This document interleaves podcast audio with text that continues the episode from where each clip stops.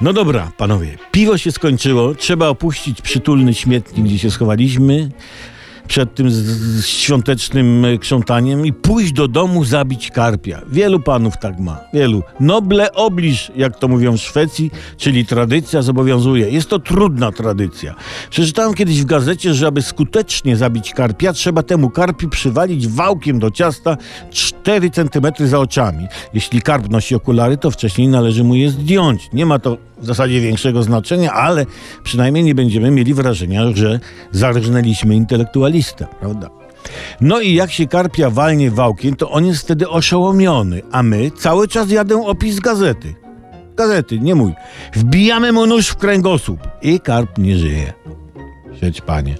I go pa paproszymy. Żono, ryba jest twoja. Karpia musimy zabić sami w domu, dlatego że według prawa za zabicie karpia w sklepie lub na targowisku można trafić na rok do więzienia. Ponadto prawo mówi, że ubój zwierząt musi być prowadzony w miejscach wydzielonych i izolowanych akustycznie, bo karpie się strasznie drą. Pozostaje więc tylko łazienka cicha, wanienka licha. Można też spróbować elektryczności. Wkręca się, z, znaczy wykręca się z lampy żarówkę, wsadza łeb karpia do oprawki i zapala światło. Jest to bardzo humanitarny sposób na zabicie karpia, bo wtedy człowiek towarzyszy karpiu w cierpieniu.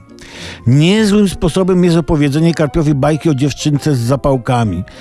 Pęknie mu serce. Tak to jest z tym karpiem, kochani. Tak to jest. Ja mówię wam, straszny majątek zrobi człowiek, który wyhoduje martwe karpie.